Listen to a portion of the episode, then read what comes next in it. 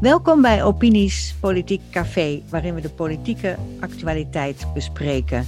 Uh, volgende week begint de zogenaamde klimaattop in uh, Glasgow. En daarom zitten er drie mensen aan de bar vandaag. En dat is uh, Ferdinand Meeuws, wetenschapper en IPCC-adviseur. Welkom. Dank u. En klimaatpublicist Jan Jacobs, online ook bekend als Occam Schermers. Welkom. Ja, welkom. Dank ja. u. Oké, en opiniescommentator uh, Freek Verbeets, die de, vooral de publieke omroepen goed in de gaten houdt.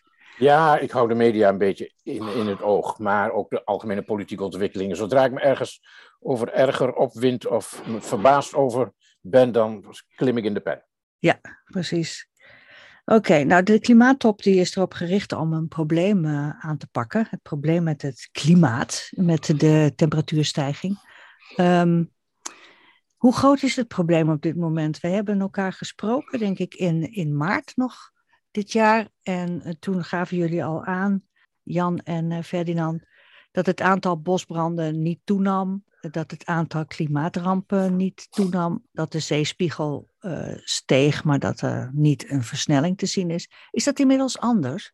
De metingen zijn nog altijd het, hetzelfde, dus er is nog altijd geen toename in wat we noemen zo die algemene weerextremen. Of er is onvoldoende bewijs om die zogezegde mogelijk theoretische toename aan die, om die toe te wijzen aan een opwarming die, zoals we weten, 1 graad is door thermometers gemeten vanaf 1850. Dus is de opwarming of niet? Als we thermometers geloven, dan is dat 1 graad sinds 1850. Ja. ja, ik heb ook wel eens ergens gelezen dat het anderhalve graad is, maar eh, kennelijk zijn, worden dan andere methodieken, eh, misschien via de satellieten of zo, uh, gebruikt. Daar kan ik niet, niet bij voorstellen, maar even, even los daarvan of het nou 1 of anderhalve graad is. Het, uh, de hele de, de, de, de, de media aandacht en het hele mediatumult over klimaatverandering is vooral in Nederland althans aangewakkerd door een rapport van het KNMI, eh, waarin het woordje kan heel vaak voorkomt, maar door de kranten veelvuldig wordt weggelaten. Met andere woorden, mogelijke, mogelijke ontwikkelingen worden als waarheden geponeerd en dat stoort mij enorm. Dat klopt wel. Er is al een ontwikkeling in extreme persmededelingen en extreme media. Maar er is geen toename in extreem weer. En daar gaat het eigenlijk om. Wij worden opgejaagd door een hysterische media die ons doet geloven dat de wereld in brand staat. En dat wordt dan opgejaagd door een aantal pubers die het nog nooit zo goed gehad hebben in hun leven als de voorgaande generatie pubers. Ja, eh, die te voet niet naar school kunnen gaan, die alles eten uit, uit wegwerpproducten, uh, die uh, een enorm goed leven hebben en die ze paniek aanpraten van in de scholen al. Dus dat extremisme is wel toegenomen. Het extreme weer is niet toegenomen. Dus het extreme geloof van de, van de jongeren dat het mis zal gaan met de, met de planeet. Ja, het wordt u aangepraat. Ja, ja, ja. Er praten dat na. Hè. Wanneer je naar scholen gaat, is het, uh, moet je uh, projecten naar voren brengen die, die de wereld gaan verbeteren, het milieu gaan verbeteren, het klimaat gaan verbeteren. Er wordt niet gezocht naar nieuwe producten, naar nieuwe olieproducten. Naar, het moet allemaal niet haalbaar zijn, niet economisch haalbaar zijn. Als het maar is dat het deugt en dat je bezorgd bent, dan krijg je daar tijd en een onderscheiding voor. Dat is alles. Maar haalbaar moet het zeker niet meer zijn. Maar de top, dat zijn toch geen pubers? Nee, die top zijn geen pubers, uiteraard niet. Alhoewel, uh, wie in 1992 uh, eh, Rio bekijkt, daar zie je al een jong meisje, Severn Suzuki, die op dat moment 14 jaar is. Die vertelt exact hetzelfde wat Greta Thunberg en Anuna de Wever nu vertellen. Daar is een doorslagje van gemaakt nu. En het wordt natuurlijk mooi gebruikt en misbruikt door de mensen die daar goed geld aan verdienen. Want daarover gaat het tenslotte. Hè. Het gaat niet over klimaat, het gaat over ideologie. En klimaat wordt misbruikt om die ideologie door te drukken. En dat is het nefaste eraan. Ik zag toevallig vandaag op de digitale site van de Volkskrant. Hadden ze een soort kalender, of hoe zeg je dat, zo'n zo, zo, zo voort, voortbewegend mededelingenbord, zal ik maar zeggen, waarin mhm. allerlei rampen als het ware de revue passeren. dit zou bijvoorbeeld de warmste 6 eh, of 27 oktober zijn sinds uh, mensenheugenis. De gemiddelde temperatuur van, de, van 26 oktober zou dan 4 graden hoger zijn dan het gemiddelde van, de jaar, van al die jaren daarvoor. Ja, dat zijn, dat zijn momentopnames die, als, die nu als een soort trend worden weergegeven. Ik vind dat eigenlijk weerzinwekkend. Ja, maar ja, er is ook een trend in hoe dat men dat weergeeft. Hè. Wanneer het extra koud is, ja. dan is dat het klimaat. Wanneer het dus een extra warme dag is, dan is dat natuurlijk weer weer. En, en dat wordt altijd misbruikt. Uh, er zijn ook koude records die gebroken worden. En daar lees je nooit iets over. Want het warme record, daar lees je wel iets over. Alle alle foute voorspellingen die ze al gedaan hebben, de gletsjers in de Himalaya die weg gingen gaan, sneeuw dat we niet meer zouden krijgen, al die foute voorspellingen, ja, daar hoor je ze nooit meer over. Er worden geen excuses. Nee, dat wordt gewoon verder gezet naar het volgende doemproject. En de pers zwijgt, knikt en doet mee. En dat begrijp ik gewoon niet. Een mooi voorbeeld vond ik afgelopen week op de Nederlandse, het Nederlandse tv-journaal waarin de mhm. correspondent in Kopenhagen, dat is een dame die ons voortdurend bericht als er in de Scandinavische landen iets, iets gebeurt, die was overgevlogen van Kopenhagen naar Groenland. En die mocht daar in een helikopter mee naar een gletsjer, waar dus een fotocamera stond, die dus elk moment opnames maakte van de hoogte van de gletsjer en het afname van die gletsjer op die plek. Uh, En ze liet dan een beeld zien dat sinds 18 zoveel, 1870, uh, het niveau van de gletsjer al x meter was gezakt. Nou zou dat bij die specifieke ene gletsjer heel goed kunnen, maar ik heb geen flauw idee of dat voor de rest van Groenland geldt. Misschien is daar op die plek een speciale situatie aan. Dat weten wij als kijker niet. Maar, maar er staat 90% van alle gletsjers liggen op, op Antarctica. Dat er eens een gletsjer weggaat, is geen enkel probleem. Dat wil zeggen dat die gletsjer daar vroeger ook niet geweest is. ja. ja, dat is zo. Ferdinand heeft er al mooie tweets over gedaan. Dat hij zegt, daar is een, een, een dorp ontdekt onder een gletsjer. Daar is weer een boom ontdekt onder een gletsjer. Ja, ja. dat wil zeggen dat die gletsjer daar ooit niet geweest is en dan weer wel geweest is. En nu gaat die eens weer terug. Ja, dat is zo. Dat, dat is wat de natuur doet. Er is helemaal geen paniek of heiger gedoe voor nodig. Het is zo. Nou ja, kijk, ik, ik, ik, ik ben geen, geen deskundige op dit terrein, maar ik, ik probeer gewoon logisch te denken. Uh, ik, ik, kan, ik kan aannemen dat de temperatuur toeneemt, maar dat dat zulke catastrofale gevolgen heeft, zo, die nu worden voorspeld op basis van modellen waar je ook vraagtekens bij kunt zetten, waarbij de meest uh, uh, onwaarschijnlijke scenario's nu ineens als ramp worden voorgesteld. dat wil er bij mij gewoon niet in. Nou, misschien kan Ferdinand daar eens even op ingaan, want die is volgens mij betrokken bij het IPCC, wat gebruikt wordt. Hè? Dat rapport wordt gebruikt in de top. Ja. Ja, dat klopt. Dus dat IPCC kijkt enkel naar hele. Het, het IPCC bakt een kersentaart. En dan tussen al de groentes en fruit dat ze vinden in de wetenschappelijke literatuur, nemen ze natuurlijk enkel kersen. Als we nu teruggaan naar Groenland. In Groenland is namelijk een aantal gletsjers zijn daar inderdaad aan het smelten, dat is geen enkel probleem. Maar de grootste gletsjer in Groenland is aan het toenemen. Maar dat hoor je nooit in de media, want dat is niet catastrofaal. En als we kijken naar bijvoorbeeld jullie emeritus hoogleraar Kronen, Kronenberg, die heeft Groenland dikwijls bezocht. En als je teruggaat naar bijvoorbeeld een 10.000 jaar geleden, toen er nog geen uitstoot was van CO2, was het daar ongeveer 3 graden warmer dan vandaag. Dus de wetenschap zegt eigenlijk gletsjers komen en gaan op een natuurlijk ritme dat we zelfs nog niet helemaal begrijpen, maar dat dat zeker geen eenzijdige regelknop is van CO2. Er zijn zoveel andere natuurlijke factoren.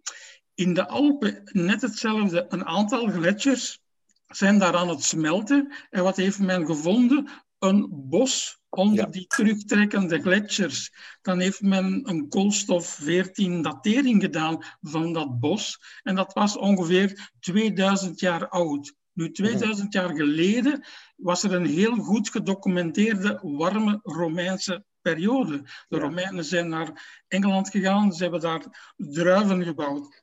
Dus 2000 jaar geleden, tijdens die Romeinse periode, was het ook al 1 of 3 graden warmer dan vandaag. Dat zijn allemaal goed gedocumenteerde wetenschappelijke publicaties die we niet horen in onze media. Maar nu even advocaat van de duivel spelen. Stel nou dat, dat uh, een van die wat somberder scenario's van, van, van, van, van het internationale VN-forum waar zou zijn. Is het dan inderdaad te verwachten dat uh, binnen pakweg 100 jaar de zeespiegel tot meer dan 2 meter zal stijgen? Dat komt mij zo onwaarschijnlijk voor. Nee, zelfs het IPCC, dus die 97% uh, fantastische, neutrale, objectieve wetenschappers, uh, hebben in hun laatste rapport berekend dat dat ongeveer maximum 20 tot 30 centimeter kan zijn, in ja. het slechtste geval. Nooit meters. Staat in het laatste IPCC-rapport. Maar toch, toch komt dat in het, in dat in de, in de KNMI-rapport, wat afgelopen maandag geloof ik in Nederland werd gepubliceerd. En waar alle kranten en alle andere media ja. opdoken met allemaal rampverhalen. Eigenlijk denk ik om, het, om de publieke opinie ja. te masseren voor, dat, uh, voor die conferentie in Glasgow. Om te laten zien dat het nu echt vijf voor twaalf is, dat er van alles moet gebeuren. Ja. Dat is daar ontzettend in overdreven. En het werd nauwelijks tegengesproken. Ik denk dat uh, Maarten Keulemans van de Volkskrant als enige dat toch wel degelijk heeft tegengesproken. Ja, maar de Volkskrant ging vandaag weer helemaal uh, ja. uit zijn dak met allerlei doemverhalen. Dus hij, hij staat er kennelijk toch heel erg alleen in. En alle andere kranten precies hetzelfde. En wat mij in de media nu enorm tegenstaat, is niet dat ze die berichten brengen. Want ja. dat is ook een deel van het verhaal. Maar dat ze critici zoals jullie niet aan het woord laten. Dat vind ik eigenlijk het meest storend aan, de, aan het hele, de hele discussie over, over klimaat op dit moment. Dat er maar één waarheid is. En dat doet mij denken aan een, aan een vreselijke religie. Dat, dat is bij mij net hetzelfde. En het zijn die journalisten eigenlijk die hun job niet doen. Ja. Want als ze de moeite doen om wat de wetenschappelijke literatuur te bekijken, zoals het IPCC-rapport, dan weten ze dat dat ongelooflijk overdreven is en zelfs fout. Maar ja, niemand doet de moeite om die rapporten te lezen. Hè? Is het onkunde ook misschien? Of dat ze niet snappen wat erin staat? Dat klopt, ja. Dat is een soort van Chinees, de, enkel bedoeld voor uh, vakidioten. Uh, ah. Dat is bijna ja. niet te lezen, dat rapport. Hè. Het gaat toch juist om de, de, zeg maar de, de politieke samenvatting. Dat is zeg maar de, de, de basis voor al die conferenties die er nu jaarlijks zijn over, uh, nou, ja. die we nu in Glasgow ook hebben, waarin de politici worden aangemoedigd om nu toch echt maatregelen te nemen. Uh, ja. En, en ja, die, dat, dat politieke verhaal, dat moet toch ook ja. tegen het licht gehouden worden. Maar, maar dat is het COP uh, 26-rapport dat we dan gaan krijgen, zoals het COP 21-rapport in Parijs. Mm. Dat is 32 pagina's. Je kan dat lezen, maar dan moet je eerst twee paracetamols nemen om daaraan uit te kunnen. Ja. En dat is maar 32 pagina's. Maar het woordje binding, verbindend, dus dat het een bindende overeenkomst is, staat er niet in. Er staat nee. zes keer het woordje voluntary in. Ja. En dan staat daar ook in uh, local knowledge en, en ja, mambo jumbo, sprookjes, de lokale shamaan. Dat moeten ze allemaal maar gebruiken om dat klimaat te, uh, te doen luisteren. En dan vraag ik me altijd af, naar wat moet dat dan luisteren? Wanneer was de ideale temperatuur op aarde? Wanneer was het ideale CO2-gehalte ja, op aarde? Ja, ja. Waar moeten we naartoe? Hoe gaan we dat bereiken? En dan hoor je klimaatwetenschappers zoals Judith Curry die zegt, nee, CO2 is niet de knop om het klimaat te regelen. Dus hoe gaan we dat doen? En het is, komt altijd op hetzelfde neer. Men wil macht, men wil aanzien, men wil geld. En de goedgekeurde ondernemers die zeggen dat ze de wereld gaan redden en dat ze het klimaat gaan redden, die krijgen dat allemaal voor elkaar. En het is, daarover gaat het. En het gaat over niets anders. Of het nu over corona gaat, of over klimaat gaat, of over migratie gaat. Het is altijd hetzelfde. Follow the money. Het is nooit anders geweest en het zal nooit anders zijn. Alleen dit verhaal blijft nu lang duren, omdat het een, een, een, CO2, je kan het niet ruiken, je kan het amper meten, je ziet het niet. Dus vroeger had je luchtverkopers. Ja. Dat was een negatieve connotatie, maar nu verkoopt men 0,04% van de lucht voor duizenden miljarden per jaar. Het is het beste businessmodel dat ooit is uitgevonden door de mensheid. Ja, dat is mooi gezegd. Ja, ja. Maar als we nu naar, dan naar die conferentie in Glasgow gaan kijken, uh, dan komen daar, ik geloof, tienduizenden uh, bezoekers op af. Ik las net een staatje 20.000. Ja, precies. Waarvan uit, de meeste uit Afrikaanse landen. Er komt een delegatie uit een ja. Eh, heel erg arm Afrikaans land met maar liefst 400 mensen. Die moeten straks dus allemaal kennelijk met uh, elektrische auto's vervoerd worden, waarvoor er geen laadpalen zijn. Dus worden er dieselgeneratoren aangerukt. Het is, het is, toch niet, het is toch niet te geloven? dat is niet te geloven, maar het is elk jaar zo. Hè. Als er ergens een kopvergadering is, kan je dat op de lijst van de deelnemers zien. De meest ijverige leerlingen zijn de Afrikaanse landen. Die sturen de grootste delegaties. Ja. Maar het is eenvoudig te verklaren. Hè. Die mensen ja. in die landen zelf verdienen misschien 2000 euro per jaar. En daar krijgen ze dan van de kop, als ze daar naartoe gaan, krijgen ze een zakcentje van 2 of 3 of 4000 euro, dat ze dan mogen gebruiken. Ja, voor die mensen is dat natuurlijk mooi meegenomen. En dat is eigenlijk alles waar het over gaat. Maar zo werkt het wel, ja. De hoogste delegatie komt uit Ivoorkust met 406, 406 uit Ivoorkust, allemaal klimaatexperten. Ja, ja. Guinea is er ook altijd goed bij. En Congo ook, al die landen. Hè. Je kan het zien op de lijst. Het is ongelooflijk. Het is één klucht. Ja. En ze zit daar met 20.000. Niemand van die journalisten leest die rapporten. Je kan er ook niet aan uit wat dat daarin staat. Dat is Chinees.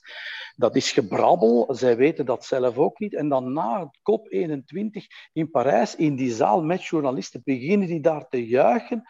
Dan denk je, ja, die, die doet me denken aan die film Parfum waar dus iemand een, een, een geurzakdoekje uh, en iedereen begint in extase naakt rond te dansen en met elkaar te vrijen. Zo lijkt dat wel. Dan denk je, maar dit, wat hebben die gegeten s morgens? Ja, maar gelezen hebben ze het zeker niet. Je hebt nu een paar keer Chinees gezegd, maar volgens mij komt China helemaal niet naar de top. Nee, nee die komen niet. Die weten wel beter. Hè. Die, die vertellen wel dat ze klimaat uh, en uh, daar iets gaan aan doen en CO2-beperkingen, maar ze gaan dat dan doen na 2030 of 2035. Ja, dan is die bevolkingsgroei ook al afgenomen. Die economisch zitten ze dan helemaal op waar ze moeten zitten eigenlijk. En ja, dan zal het vanzelf wel een beetje afnemen. Dan zeggen ze, zie je wel, het is aan het afnemen nu. Wij zijn beter aan het werken. Maar ze gaan dat ook bereiken met veel nucleair dat ze aan het bijzetten zijn. Maar ze hebben nog maar wel veel CO2-productie? Uh, oh, ja, ja. Steenkool, hè? steenkool. Ja. Dat zijn de steenkoolkampioenen. Hè? Ja. 50% van alle steenkool in de wereld wordt gestookt in, in China. Hè? Ja. Maar gelukkig wordt Nederland koploper in CO2-bestrijding. Als het dan aan Sigrid Kaag ligt. ja. ja, en hoeveel... hoeveel dat...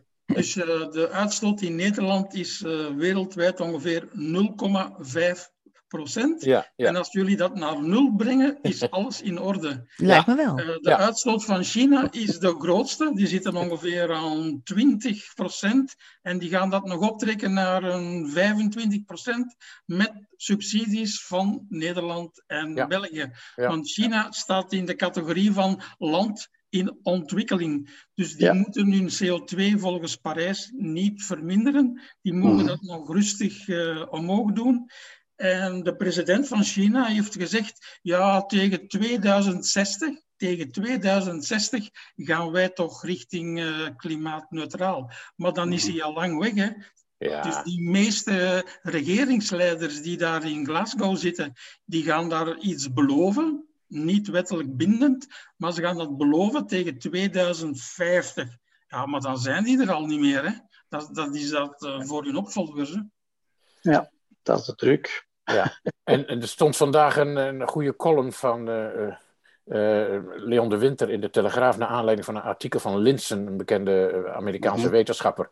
Die, mm -hmm. die, ongeveer, die ook heeft gezegd dat het hele, hele klimaatbeleid... Dat, doet, dat, is, dat komt China heel goed uit... Want al, alles wat wij nodig hebben om zeg maar, het klimaat omlaag te brengen, alle zonnepanelen en noem maar op, dat wordt allemaal in China gepro geproduceerd. Ja, 80% van alle ja. uh, windmolens. En, ja, zonnepanelen worden gemaakt ja, in China ja, en in Taiwan. Ja. Dus, uh, en, en alle milieuverwoesting die daarbij gepaard gaat, ja, dat wordt daar ook veroorzaakt. En men legt het hier gewoon vol, maar dat werkt niet. En daarover gaat het. Men gaat om, het is niet het klimaat dat in gevaar is, maar het is de klimaatpolitiek die onze westers westerse wereld bedreigt. Europa en de Verenigde Staten zijn de twee meest failliete entiteiten in de geschiedenis van de mensheid. De duizenden triljoenen schulden die ze hebben, gaan ze nu nog eens verzwaren om het klimaat te regelen. Maar het is allemaal een soort links gedachtegoed dat terug overleeft, waardoor je denkt dat de mens, de maatschappij en nu ook het klimaat maakbaar moet zijn. Maar dat is natuurlijk niet maakbaar. Maar er gaat wel heel veel geld naartoe. Ja. Jullie maken grappen over uh, wat daar gebeurt in eh, Glasgow, maar misschien moeten we toch wel een beetje serieus nemen wat die regeringsleiders met elkaar gaan afspreken. Ja, maar het is, het is eigenlijk ook potsierlijk en lachwekkend. En, en dat is het juiste eraan. Misschien moeten we ze minder serieus gaan nemen en ze gaan uitlachen zoals de keizer zonder kleren. Want mhm. dat zijn ze uiteindelijk wel.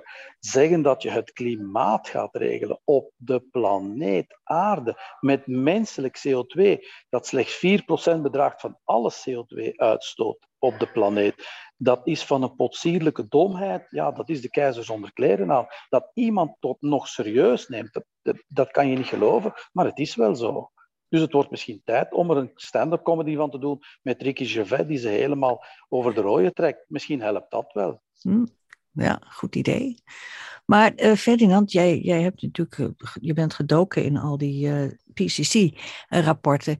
Ehm, is er helemaal geen probleem eigenlijk? Is het probleem al helemaal niet aanwezig? Is de, de, al het gevoel van die mensen, heel veel mensen hebben het gevoel dat het echt niet goed gaat.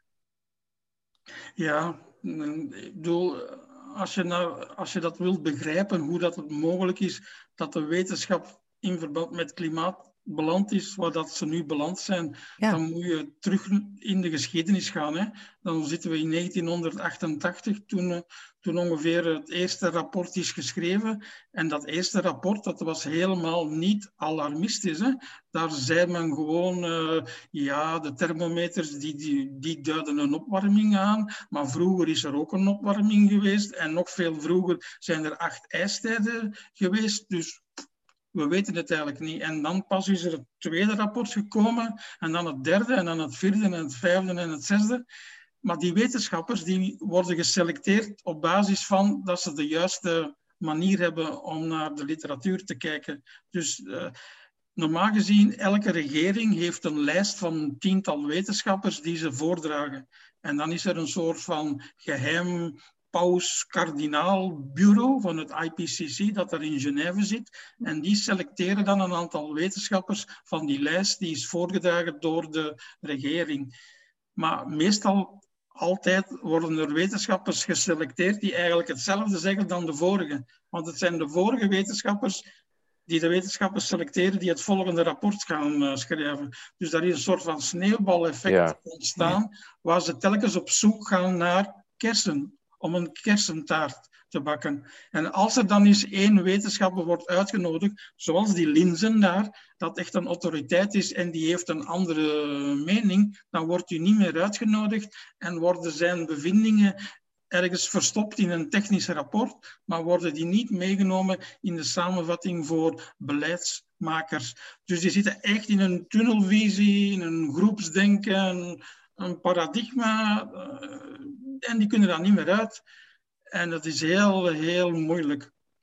Maar, bezorgt de wetenschap ook een slechte naam misschien? Er is, er, is, er is hoop. Dus in het ah. laatste rapport uh, heeft men ook vastgesteld dat die klimaatmodellen, waarmee men het weer, streepje klimaat, in 100 jaar gaat voorspellen, dat die er al 30 jaar naast zitten. En de nieuwste generatie die zo gezegd ja, het neusje van de zalm is, uh, zit er nog verder naast dan dat van het vorige vijfde rapport. En nu is er toch één wetenschapper, iemand van NASA, dus die kunnen ze zomaar niet opzij zetten. Die heeft in het tijdschrift Science, dat is een van de top tijdschriften, zo op een heel diplomatische gezegd, ja, al die klimaatmodellen met die zesde generatie, die zitten toch allemaal aan de hete kant. En misschien zijn die toch van de pot gerukt. Alleen in het Engels is dat dan implausible, maar in het Nederlands is dat van de pot gerukt. die man heeft dat gezegd. En er is eigenlijk niemand van dat groepje die die rapporten schrijft, die hem heeft tegengesproken. Want die man heeft natuurlijk gelijk. Maar wordt dat opgepikt in de media? Komt dat in die samenvatting voor beleidsmakers? Nee. Dat pik je op als je als wetenschapper zoals ik die tijdschriften leest. Maar dat komt niet in de media. Dat is Gavin Smith, geloof ik, hè, die het, uh, de baas van NOAA. Gavin Smith die het naar voren heeft gebracht. Dat is Gavin Smith, dat is een van de top klimaatwetenschappers. Die heeft eigenlijk gezegd, jongens, ook die zesde generatie van klimaatmodellen, die zijn allemaal van de pot gerukt implausible, heet dat in het Engels. Ja, ja en, en, dan komt dus nu het KNMI in Nederland, een, een, overheidsinstelling waar aan grote wetenschappelijke waarde wordt toegekend, wat overigens ook weer anderen door, door anderen in twijfel wordt getrokken. Die komt dan met een, met een rapport wat uitgaat van het meest sombere scenario. Ja. En dan worden ons hel en verdoemenis voor gespiegeld. En ja. Het is, ik, ik begrijp gewoon niet dat, dat, dat er tegengesproken dat die kritische kanttekeningen kanttekeningen mhm. niet gemaakt worden.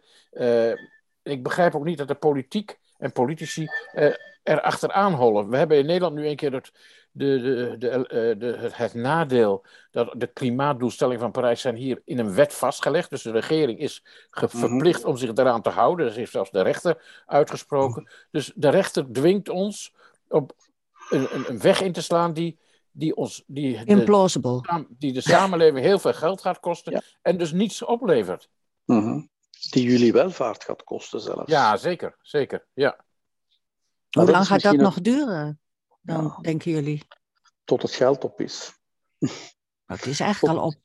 Ja, maar Adam Smith, de grondlegger van de moderne economie, heeft het al voorspeld. Hij zegt, uh, overheden gaan schulden maken tot ze ze niet meer kunnen terugbetalen en dan gaan ze failliet. Dan is er default. En dat zal ook nu zo gaan. Het gaat altijd maar... Ik ben bijna 59. Ferdinand is misschien wel een paar jaar ouder. En zolang als wij leven, horen wij in België alleen maar begrotingscontrole, besparingen, de overheid wordt te vet. Maar ondertussen zijn de schulden verhoogd van de overheid. Zijn er mensen die voor de overheid werken is de overheid altijd maar vetter geworden. Dus daar wordt wel over gepraat, maar daar wordt nooit niets aan gedaan. Ambtenaren maken jobs voor andere ambtenaren, maken het altijd vetter. En dat zal in dit systeem niet anders zijn, tot als het geld op is. En dan zal er weer een oplossing moeten komen. Dan gaat men iets anders moeten zoeken om de aandacht af te leiden. En dat is hetgeen dat men eigenlijk doet met klimaat, de aandacht afleiden. Want tenslotte is het zo dat in arme landen wij zijn ook ooit arm geweest. Hè. 150 jaar geleden was iedereen arm. En een utopische socialist, als die zou terugkomen, die zou ongelooflijk versteld staan van hoe goed wij het nu hebben. Dat kan je niet voorspellen. Maar die andere ontwikkelingslanden, die arme landen, die willen dat ook. En daar is zoiets als een Kuznets-curve. En dat houdt in dat wanneer dat je, je begint te ontwikkelen, uh, dat dit in het begin inderdaad ten koste gaat van je milieu en je omgeving. Want die mensen die staan op morgens en die eerste vraag is, hoe ga ik aan eten graag? Hoe ga ik overleven? Maar eenmaal men daar voorbij is en men gaat naar 5000 dollar BBP per capita aan, aan omzet, dan ga je, aan GDP, dan ga je dus ook zicht krijgen op je omgeving. Dan wil je een mooie tuin, dan wil je alles goed doen voor het milieu, dan wil je een mooie rivier, dan wil je een propere plaats hebben. Dus het is een zaak om deze landen mee te ontwikkelen. Maar energie is de bron van alle welvaart. Het zit in alles wat we doen. Mhm. Maak dit duur en alles zal duurder worden. We zien dat nu ook gebeuren. Alle energie is duur geworden. Dat is niet omdat dat, uh, de energie duur is geworden. Dat komt omdat er politieke keuzes gemaakt zijn die ons nu dure energie brengen. En wanneer mensen dit niet meer kunnen betalen, dan zal er misschien wel eens wel een paar ogen open gaan. Mm, mm. Ja, en dat is ook het, de echte, het echte agenda in Glasgow. Hè? Dus uh, in het akkoord van Parijs staat dat de rijke landen uh, de arme landen gaan helpen. En ze hebben daar beloofd, zes jaar geleden, om 100 miljard euro per jaar te geven aan die arme landen. En daar gaat het in Glasgow over. En daarom zijn er 400 mensen uit Ivoorkust en 200 mensen uit uh, Guinea. Die hebben allemaal klimaatprojecten en die willen daar natuurlijk geld voor hebben. Het beste voorbeeld vind ik nog altijd de president van Tuvalu. Je weet wel dat lief eilandje dat al twintig jaar mhm. aan het verdrinken is, maar in de mhm. realiteit drie uh, vliegvelden heeft bijgebouwd vlak naast het strand en in de realiteit toegenomen is. Die man is daar is daar ook. Ja, die, die gaat weer zeggen dat zijn eiland aan het verzuipen is. En die wil ook een paar miljoenen hebben om die vliegvelden te onderhouden natuurlijk. Hè. Mhm, mhm. Dus, in, dus in, in Glasgow gaat het om hoe gaan we die 100 miljard verdelen. Ten eerste, de rijke landen zoals de US, China, Rusland, Europa hebben nog altijd niet die 100 miljard op tafel gelegd. En met corona en hun begrotingstekorten gaan ze dat volgens mij daar ook niet in, uh, in Glasgow doen. Dus ik denk dat de top van Glasgow, de eerste twee, drie dagen, gaan die wereldleiders daar als ijdeltuiten vertellen dat ze klimaatneutraal gaan zijn in 50 jaar. Dus dat is toch een belofte dat voor hun opvolgers is. En dan gaan die naar huis of die gaan lekker eten. En dan blijft er een hele hoop van bureaucraten die ook veel te veel zijn betaald. Die moeten dan allerlei deals gaan maken. En die deals gebeuren in gesloten kamertjes. Zo van, mhm. ja, ik heb hier een eiland, geef me een keer wat miljoenen, want ik moet hier mijn eiland redden. En die deals worden daar gedaan. Op voorwaarde als de rijke landen natuurlijk geld te veel hebben. En ik mhm. vrees ervoor dat de rijke landen niet, niet gaan beloven om 100 miljard elk jaar uit te geven aan de arme landen. En ik hoop echt dat het een grote fiasco wordt.